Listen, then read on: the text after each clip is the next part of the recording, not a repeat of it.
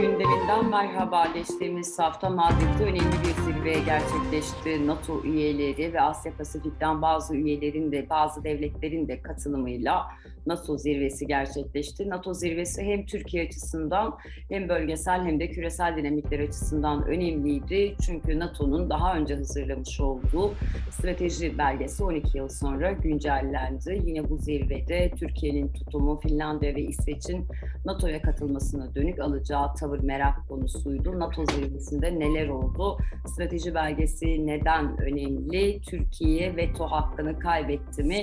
Yoksa daha bizi bekleyen bir süreç mi var? Profesör Doktor İlhan Uzger'le birlikte bu hafta Madrid zirvesinde yaşananları ve sonuçlarını ele alacağız. Hocam merhaba, hoş geldiniz. Merhabalar, hoş bulduk. Hocam isterseniz e, şeyden başlayalım. Bu strateji belgesi yayınlandı ve e, önemli bir belgeydi. 12 yıl sonra güncellendi. Dikkat çekici vurguları vardı. Öncelikle bu strateji belgesi neden önemli? Bize ne söylüyor? E, NATO aralıklı olarak e, açıyorum.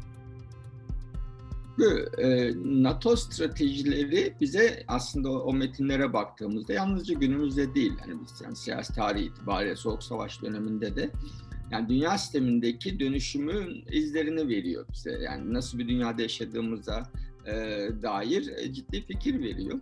E, tabii çok ciddi bir örgüt NATO. E, evet. Şimdi mesela 30'a yükseldi e, üye sayısı. Hani tamam hani Makedon, Kuzey Makedonya en kritik üyesi olmayabilir ama e, genelde bunu ben hani bir güne de yazdım. Ara ara da söylüyorum. E, böyle basit bir Amerika'nın e, aracıymış gibi algılamaya gerek yok. Yani sınıfsal boyutundan hani uzaklaştırıyor bir defa onu söyleyeyim. E, ikincisi e, strateji belgesi genelde e, genişleme üzerinden ele alınıyor. Yani işte ee, Japonya Başbakanı orada, Avustralya, Güney Kore Başbakanı orada. Yeni Zelanda oradaydı keza. Evet, e, na, ama NATO bu strateji belgesi e, evet Atlantik'ten Pasifik'e doğru kaymak istiyor NATO. Bunu o katılımlardan da çok net görebiliyoruz. Ama evet. e, NATO strateji belgesi aynı zamanda bu hani AB terminolojisini kullanırsak Hani orada da bir genişleme ve derinleşme vardır ya, yani entegrasyon evet. derinleşme. Yani NATO belgesi aynı zamanda derinleşmeyi de gösteriyor. Ee, NATO daha proaktif, daha etkin, e, artık eskisi gibi biz şeylere bakacağız, e, yani tehditin kaynaklarına bakacağız falan değil. E, mesela işte e, bu karşılık gücü dedi, response force mesela 40 binden 300 bine çıkarıyor evet. ki burada da e, Türkiye'ye başvuracaklar tabii ki. Yani yani diğer ülkelerin böyle bir şey kapasitesi, o ordu kapasiteleri daha sınırlı sayı olarak.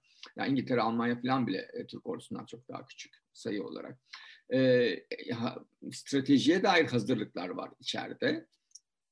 E, artık işte beş alanda e, e, entegre bir e, savunma diyor ama işte onu iki türlü de okuyabiliriz tabii. Yani savunma ve saldırı stratejisi e, geliştiriyor. E, dolayısıyla da e, karşımızda hem e, coğrafi olarak e, Atlantik bölgesinin dışına taşan hem de askeri kapasitesi itibariyle de e, çok daha fazla yani şimdiye kadar olduğundan daha farklı bir NATO'ya doğru gidiş var. E, hatta şöyle söyleyeyim, e, bu tuhaf gelebilir bu e, söylediğim, e, kullanacağım ifade ama biz NATO'nun militarizasyonuyla karşı karşıyayız. Hani ya şimdiye kadar ki yetmiyor muydu? Evet hocam bir askeri örgüt değil miydi? Bize öyle anlattınız ha. derslerde. Şimdi başka evet, bir şey. Evet. Yani ama, barış elçisi miydi NATO diye böyle aklımdan geçirdim. Evet ama bir başka seviyeye çıkacak bu. Ee, yani NATO daha fazla militarize olduğu bir döneme doğru gidiyoruz. Bunun da anlamı şu yani küresel siyasetteki gidişe hem adapte oluyor hem de onu belirliyor NATO. Yani Daha çok o zaman yani, hocam silahların gölgesinde ya da silahların konuştuğu bir dünyaya doğru mu gidiyoruz? NATO'nun dediğiniz gibi hem yani o, tabii. önlem alıyor hem de yönlendirici bir aktör evet, yani. Evet. Yani şeyle tabii ki e, Bakın ta 2000'lerde Japonya ile teması vardı NATO'nun. Evet. Pakistan e, şeyine depremine destek olmaya gitti. Yani ufak ufak zaten hani uz, uzak doğuya doğru açılıyordu NATO. NATO'nun artık bir Kuzey Atlantik örgütü yani adı adı öyle kaldı. Tabii 5. Evet, maddeyle bir... zaten Afganistan'a gitmişti. Oradan çekildi ama tabii, yani tabii. o bölgeye nüfuz tabii. etmişti. Orta Asya'da tabii. üsler kullanmışlardı o dönemde. Tabii 6. madde işte NATO'nun e, coğrafi alanını belirler ve bir soğuk savaş dönemi boyunca out of area yani alan dışılık tartışması vardı. İşte bu alan alanı nerede sınırlayacağız? İşte ne bileyim işte Orta Doğu girecek mi? Ee, en büyük tartışma oydu. Evet, Amerika o dönemde Cumhurbaşkanı Erdoğan'ın NATO'nun Libya'da ne işi var çıkışı benim Aa, aklıma geliyor. Tabii. E, kendisi bunu bunu atlıyorlar. Hatırlatayım bir daha. 2004'te Bush geldi biliyorsunuz. Yani e, İstanbul e, işbirliği girişimi başlatıldı. Yani Türkiye NATO'yla Körfez ülkeler arasında bir arayüz oldu. Ve o, o, program devam ediyor. Eğitim veriyor NATO Körfez ülkelerine. Bu, bu unutuldu. Yani sanki ilk defa hani NATO ile Türkiye, Erdoğan işte e, işbirliği yapıyor. Ya hayır, Türkiye bu açıdan da mesela Erdoğan yönetimi çok kritik bir rolü yerine getirdi. Bu bunlar genelde sessiz sedasız gittiği için yani asker mesela Türkiye'den askerler gidiyor, eğitim veriyor NATO çerçevesinde. İstanbul İş, İşbirliği girişimi adına. E, bu bunu bunu kimse bilmez ki. E, sokaktaki insan nereden bilsin? E, dolayısıyla da e, Türkiye e, onu da söyleyeyim. E, mesela Stoltenberg işte e, NATO Genel Sekreteri mesela Türkiye kollayıcı tavır alır. E, buna sonra değiniriz. E, normal çünkü çok şeydir. E, Türkiye NATO'nun çok iyi bir e, üyesidir. E, dolayısıyla çok değerli bir misafirimiz de var hocam. Belli ki onun da sözleri var. E, evet evet. Ya o çok şey yaramazlık yapıyor burada. e, dolayısıyla da e, e, aynı zamanda hem NATO hem bu strateji belgesi hem bir semptomdur hem de e, nedendir. Dünyadaki şeyin jeopolitik gerilimin aslında nereye doğru gittiğini bize çok net gösteriyor. Bundan sonra eğer Rusya böyle kalırsa, yani Putin'le devam ederse ve Putin gitse bile bu ideolojiyle, yani içeride devlet kapitalizmi, dışarıda şey e, daha Avrasya içine yakın siyasetine devam ederse, yani dünya işte Çin, Rusya, e, geri kalan Batı, yani Yeni Zelanda'dan e, Alaska'ya kadar bir batı ve Hindistan'da yönünü batıdan yana çevirmiş bir ülke olarak yani tam angajı olmayacak Hindistan evet. o belli oldu o şey marjı kullanacak dolayısıyla. Bu, bu fay hattı artık NATO'nun en son e, strateji belgesiyle tescillenmiş oldu. Bu, bu buradan artık kolay kolay geri dönüş olmayacak.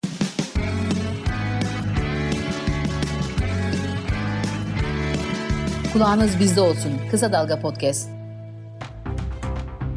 Ee, NATO kendisini önümüzdeki dönemin e, küresel e, gerilimine hem coğrafi alan olarak hem de askeri strateji olarak yani daha aktif, daha hazırlık düzeyi yüksek. Bunları çok detayına girmiyorum. Merak edenler bakabilirler. Hani işte şuraya şu kadar batalyon, hani e, tümen, Tugay e, aktarılacak. Buraya şu kadar Amerika, şurada F-35'leri şu üsse kuracak falan hani şu üsse yerleştirecek vesaire. Çok çok geniş kapsamlı. Bunlar NATO şeydir hani olabildiğince şeffaftır. Bunlar bunlara girince hepsini yazıyorlar. Hani tek tek hangi ülkeye ne kadar ama burada tabii başı e, bir böyle çekiç başı olarak e, şeyi kullanıyor. Yani İngiltere ve Doğu Avrupa yani Polonya'yı kullanıyor Amerika. Tabii yanına da e, duruma göre eğer uzak doğuysa mesele onlar şimdi şey diyorlar Hint Pasifik diyorlar. E, mesela işte İngiltere, Avustralya, e, Yeni Zelanda'yı kullanacak falan duruma göre ya da işte Quad'ı kullanacak vesaire. O yüzden de NATO e, zirvesinin en önemli boyutu bizim için yani dünya için daha doğrusu e, bundan sonraki gerilimin e, nasıl olacağını bize gösterdi ve NATO'yu e, Çin'le mücadeleye hazırlıyorlar diyeyim ben. Çünkü Rusya kısa vadeli tehdit, Çin ise uzun vadeli sistematik bir rakip. Evet. Esas iki tane tanımlama vardı orada benim dikkatimi çeken. Ben de yazmıştım e, kısa dalgada. Bir hani Çin'in Rusya ile olan ilişkisi, münasebeti, stratejik ortaklığı dikkat. Zaten yukarıda bir uzun uzun Rusya anlatılıyordu. E, bunun yanında bir de e, şey dikkat çekiciydi. E, otoriter yönetimler ya da otoriter eğilimleri olan yönetimlere dönük e, vurguydu. Yani isim verilmemişti ama Çin'in kastedildiği, Rusya'nın kastedildiği çok e, belliydi. Yani dediğiniz gibi Çin artık belirgin bir biçimde e, NATO'nun strateji belgesinde yer aldı. Sürpriz olmayacak şekilde. Ben de şunu merak ediyorum hocam. Zirve tabii önemliydi dünya açısından büyük ihtimalle Pekin'de, Moskova'da kulaklarını kabartarak çıkan metni e, merakla beklediler. Ama biz e, Türkiye olarak bir e, NATO üyesi olarak orada gerçekleşen e, zirve bizim için ayrıca önemliydi. Çünkü Cumhurbaşkanı Erdoğan daha öncesinde İsveç ve Finlandiya'nın NATO'ya katılımı konusunda e, sert bir tutum almıştı, taleplerini iletmişti. Taleplerin bir kısmı zaten muğlakçaydı. E, orada bir uzlaşıya varılmış görüntüsü var ama taraflar sürekli birbirlerini de böyle bir e, yalanlıyorlar mı diyeyim, hani yanlışlıyorlar mı diyeyim. E, yani başka bir şey anladık metinlerden. Türkiye başka bir şey anlamış, Finlandiya ve İsveç başka bir şey anlamış. Belki de metin tam bunun için o şekilde hazırlanmış. Evet. Bitti diyebilir miyiz? Yani Türkiye'nin veto hakkı artık e, yok diyebilir miyiz? Şöyle söyleyeyim, e, yani çok kestirmeden cevap vermek gerekirse, e, veto hakkı hala devam ediyor ama kullanamayacak. Hmm. Yani şimdi yani bu işler böyle parça başı olmuyor. Yani siz bir kere o vetoyu kaldırırsanız nasıl olacak? Şimdi bir ay önce, yani Mayıs ayında Erdoğan dedi ki biz bu konuya sıcak yaklaşmıyoruz. Hani veto yetkimizi kullanabiliriz. Tamam, olabilir. Bir pazarlık yapıldı, bir memorandum imzalandı ve en son işte Madrid'de yapılan e, zirvede e, katılım süreci başladı. Türkiye veto etmedi. E şimdi bir de bundan sonraki aşamalar var. İşte hı hı. mektup turunda sonra o görüşülecek, e, askeri yapılanmaya dair gelişmeler olacak falan. Her bir aşama tabii ki oy birliğiyle karar, karar verilecek. En sonunda parlamentolar onaylayacak. E peki ne olacak? Yani bu mesela 4-5 kere gündeme geldiğinde her seferinde Türkiye ne diyecek? Biz veto etkisini kullanacağız. Hadi otur pazarlık yap. Şimdi bakın bu çocuk oyuncağı değil. Yani şimdi konuya konuya bakarsan Amerika, Çin, Rusya, Ukrayna savaşı, NATO. Yani dünya siyasetinde hani bundan jeopolitik açıdan ve siyasi açıdan, stratejik açıdan baktığımızda bundan daha üst bir konu yok. Bu hani yani şey yapmak için küçümse, küçümsemek için söylemiyorum ama mesela Kıbrıs'ta işte Krans Montana görüşmeleri yaptığında olmadı da iki devletli çözüm, iki toplumlu falan tamam daha minör bir konu. Ama burada hani sözünü ettiğin şey e, Rusya Ukrayna'yı işgal etmiş, Amerika topyekun bir küresel hat oluşturmaya çalışıyor falan. E sen çıkıyorsun. E biz 73 dedik. O diyor ki yok hayır 73 demedin 33 dedin. Yani şimdi bu küçük koyu pazarlığına dönmüş bir şekilde. Evet yani ya, ay, ayıp ayıp yani bir şey zaten hani onu söylüyorum. Eğer öyle bir metin ortaya çıkacaksa dediğin gibi yani özellikle muğlak bırakılmış. Öyle bir metin ortaya çıkacak idiyse bunu Türkiye'nin NATO'daki daimi temsilcisi hazırlardı e, şey İsveç ve Finlandiyalı diplomatlarla şey gerek yok ki. Yani bu böylesine basit bir metin yani PKK terör örgütü. E, ne, ne ki? Yani? Zaten öyle yani bu ülkeler zaten öyle tanımlıyorlar. Evet. AB'nin kendisi AB'de öyle tanımlıyor. yapmayacağız. Ben bir toplantıda İsveç e, Büyükelçisiyle karşılaştım. Aklıma gelen şey oldu. Yani siz PYD'ye yardım ediyor musunuz diye sordum. Yani çünkü bütün e, hükümet kanallarında işte geçen yıl 367 milyon dolar PYD'ye yardım. Yok öyle bir şey dedi. Biz PYD'ye doğrudan yardım etmiyoruz dedi. O 367 milyon dolar dedikleri yardım 2016'dan günümüze kadar hani Ürdün'e de yardım ediyoruz. Suriye'de de yani insani faaliyetlere yani belediyelere mesela Türkiye'de de belediyelere yardım ettik dedi Urfa'da falan. Dolayısıyla böyle sanki PYD şey İsveç her yıl 360 milyon doları PYD'ye aktarıyormuş gibi. Ya şey yani, hakikaten inanılır gibi değil. Yani neyse ne. Yani evet İsveç'te şey var mı? Var.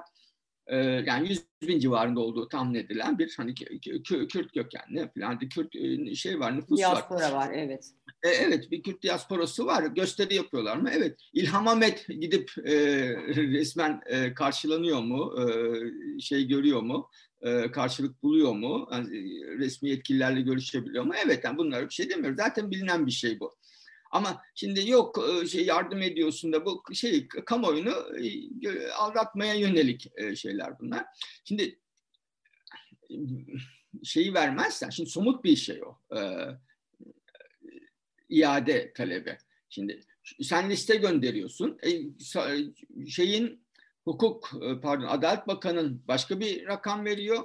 33 diyor. E, Cumhurbaşkanı başka bir şey söylüyor. Ya bunların çoğu zaten mesela Finlandiya'dakilerin yani hayatta olmayan da var diyorlar. İşte bu, bu, bu Finlandiya'da olmayan da var diyorlar. Tabii göç etmiş olan var. Başka evet, tabii kaldı ki var. bunlar diyelim işte o milletvekili gibi geçmişte diyelim silahlı mücadele içinde olmuş Irak'ta falan. E, yani şimdi Oslo'da Kalaşnikov'la dolaşmıyorlar sokaklarda. Yani bu insanlar oraya gitmişler, hayata karışmışlar, evlenmişler, işe girmişler, e, yaşıyorlar yani bir, bir hayat yaşıyorlar evet. ve İsveç vatandaşı olmuşlar. Ne de dediğiniz gibi yani e, Helsinki'de insanlar ellerine silah alıp e, propaganda da yapmıyorlar. O hayatın içerisine girmişler. Evet. Ha bunlar PKK sempatizan olabilir, siyaseten destekliyor olabilirler, gösterilere katılıyor olabilirler, bayrak sallıyor olabilirler falan. Ama bu İsveç içinde bu, bu bir hani şiddete başvurulmadığı sürece orada hani bunu bunu terör eylemi olarak görmemiş. Hani burada çünkü şiddet yok diyor. Hani poster açmış şiddet olarak tanımlamıyor. Terör örgütü olarak görse de. Dolayısıyla da yani şunu anlamıyorlar. Yani Türkiye'nin öyle bir imajı var ki sen hukuk devleti değilsin. E şimdi İsveç yani düşünsenize Merkel Alman vatandaşını almak için devreye girdi. Türkiye'den vatandaşını almaya çalışıyor. Sen diyorsun ki İsveç'e bana vatandaşını ver. Tabii. Nerede, hangi ülkeye? O şekilde evet, vermedi mi Hangi ülkeye? Yani?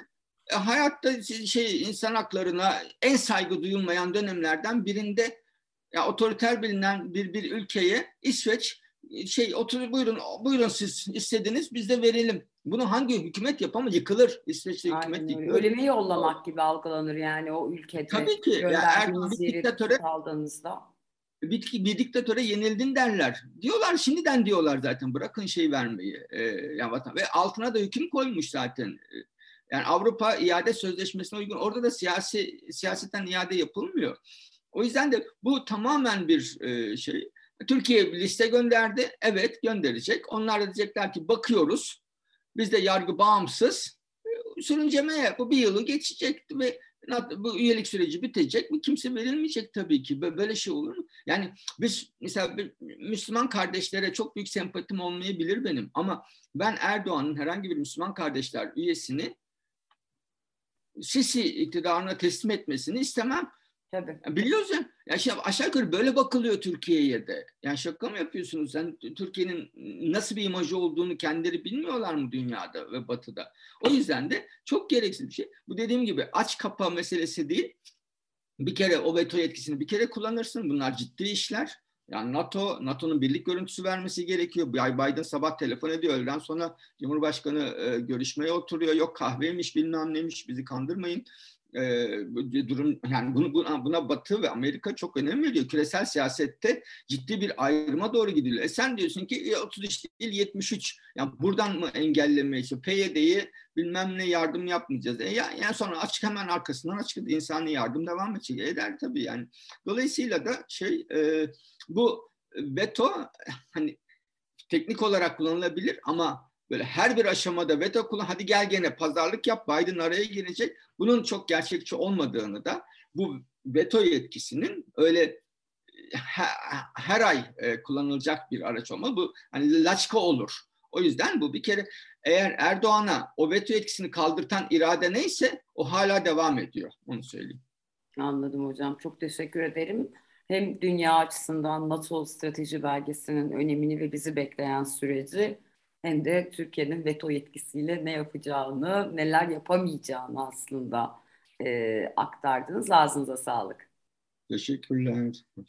Profesör Doktor İlhan Uzger'le birlikte Dünya gündeminin bu bölümünde NATO zirvesini, orada çıkan strateji belgesinin küresel siyaset açısından anlamını, Türkiye'nin merakla beklenen Madrid zirvesindeki tavrını, bu tavrın sınırlarını, İsveç ve Finlandiya'nın geleceği ve Türkiye'nin NATO ile ilişkilerine etkisini ele almaya çalıştık. Bizi izlediğiniz ve dinlediğiniz için teşekkür ederiz. Hoşçakalın.